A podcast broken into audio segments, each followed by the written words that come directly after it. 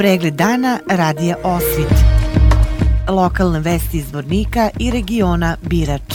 Pratite pregled dana radija Osvit za 27. avgust 2022. godine.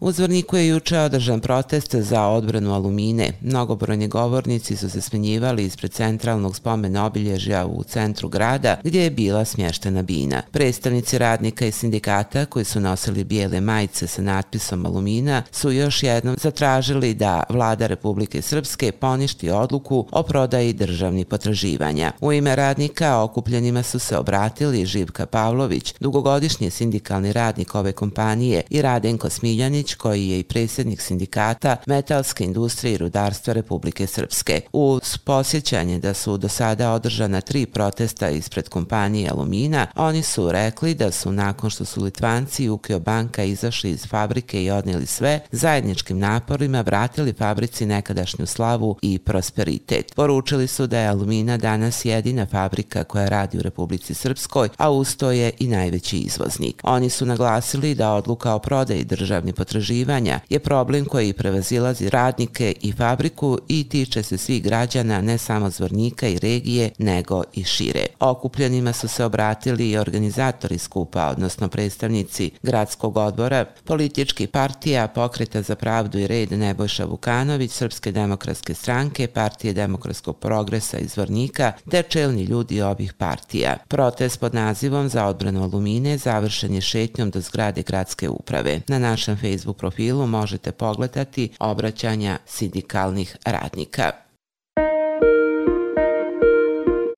U Srednjoškolskom centru Petar Kočić od jula mjeseca teku pripreme za novu školsku godinu. Učionice su okrečene, obnovljeni su kabineti. Pred zaposlenima u školi je i realizacija projekta Đački restoran. O svemu navedenom više informacija čućemo u prilogu od direktorice Biljane Pisić. U Srednjoškolskom centru Petar Kočić pripreme za novu školsku godinu počele su već u julu mjesecu, ističe direktorica Biljana Pisić i dodaje. Veliki broj radova koji su neophodni za početak školske godine urade naši domari, naravno ono što oni ne mogu, onda angažujemo ljude sa strane. Ono što je važno jeste da se prije svega okreće učionice, da se ofarbaju radijatori, da se pripreme fiskulturne sale, to smo sve u prethodnom periodu radili i kao što se i ukazala potreba da se što bolje urade znači internet veze u cijeloj školi, da povežemo. Mi smo to sad već uradili u gotovo svim kabinetima, ali naravno mora određeno pojačanje i e, ukazala se potreba prije svega dolaskom ove nesretne korone. Vidjeli smo da s obzirom da je bila online nastava, da je ovaj veoma značajno i samo osposobljavanje kako nastavnika i učenika, tako i svih zaposlenih zaposlenih za tu vrstu online nastave, ali naravno e, s obzirom da je u prošloj godini epidemiološka situacija dozvoljavala i da su učenici bili u učionicama, ali su odmore provodili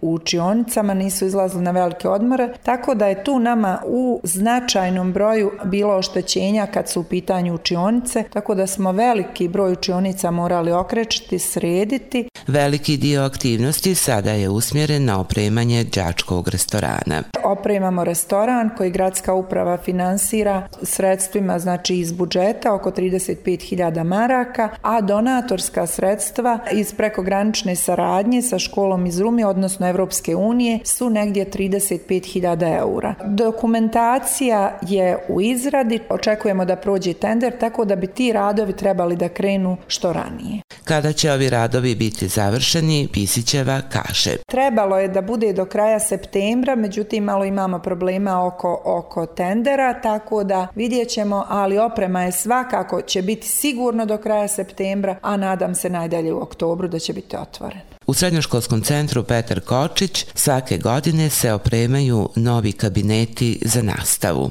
Uradili smo na kraju školske godine ovaj kabinet, e, takozvani grčki kutak, njega smo u potpunosti promijenili, renovirali. Ove godine opremamo kabinet geografije, a vidjet ćemo u narednom periodu od projekata i od donacija i naravno od samog budžeta vidjet ćemo e, šta ćemo moći ostvariti s obzirom da će restoran biti jedan od najljepših u Republici Srpskoj, kad, ne samo kad su u pitanju škole, nego će zaista biti, neću vam sve otkrivati, ali evo namještaj smo već dobili, znači stolove i stolice već imamo, a ostali namještaj u narednom periodu će stići. Sutra će pod pokroviteljstvom opštine Osmaci biti održana peta gastroturistička manifestacija Birčanska jagnijada u Borogovu na izletištu Mekota. Pored takmičenja u spremanju jagnjetine, oni malo hrabriji će se takmičiti u vožnji džipova. Pored takmičenja posetioca očekuje i bogat zabavni program uz narodnu izvornu muziku, a specijalni gost je Rade Lacković. Za pobjednik su i ove godine obezbeđene nagrade. Sutra se igraju utakmice četvrtog kola druge lige Grupa Istok. Podrinje iz Tršića dočekuje ekipu Drine hidroelektrane iz Višegrada, a radnički iz Pilice gostuje kod mladosti iz Rogatice. Utakmice su zakazane za 17 časova. Pregled dana radija Osvit. Lokalne vesti iz Vornika i regiona Birač.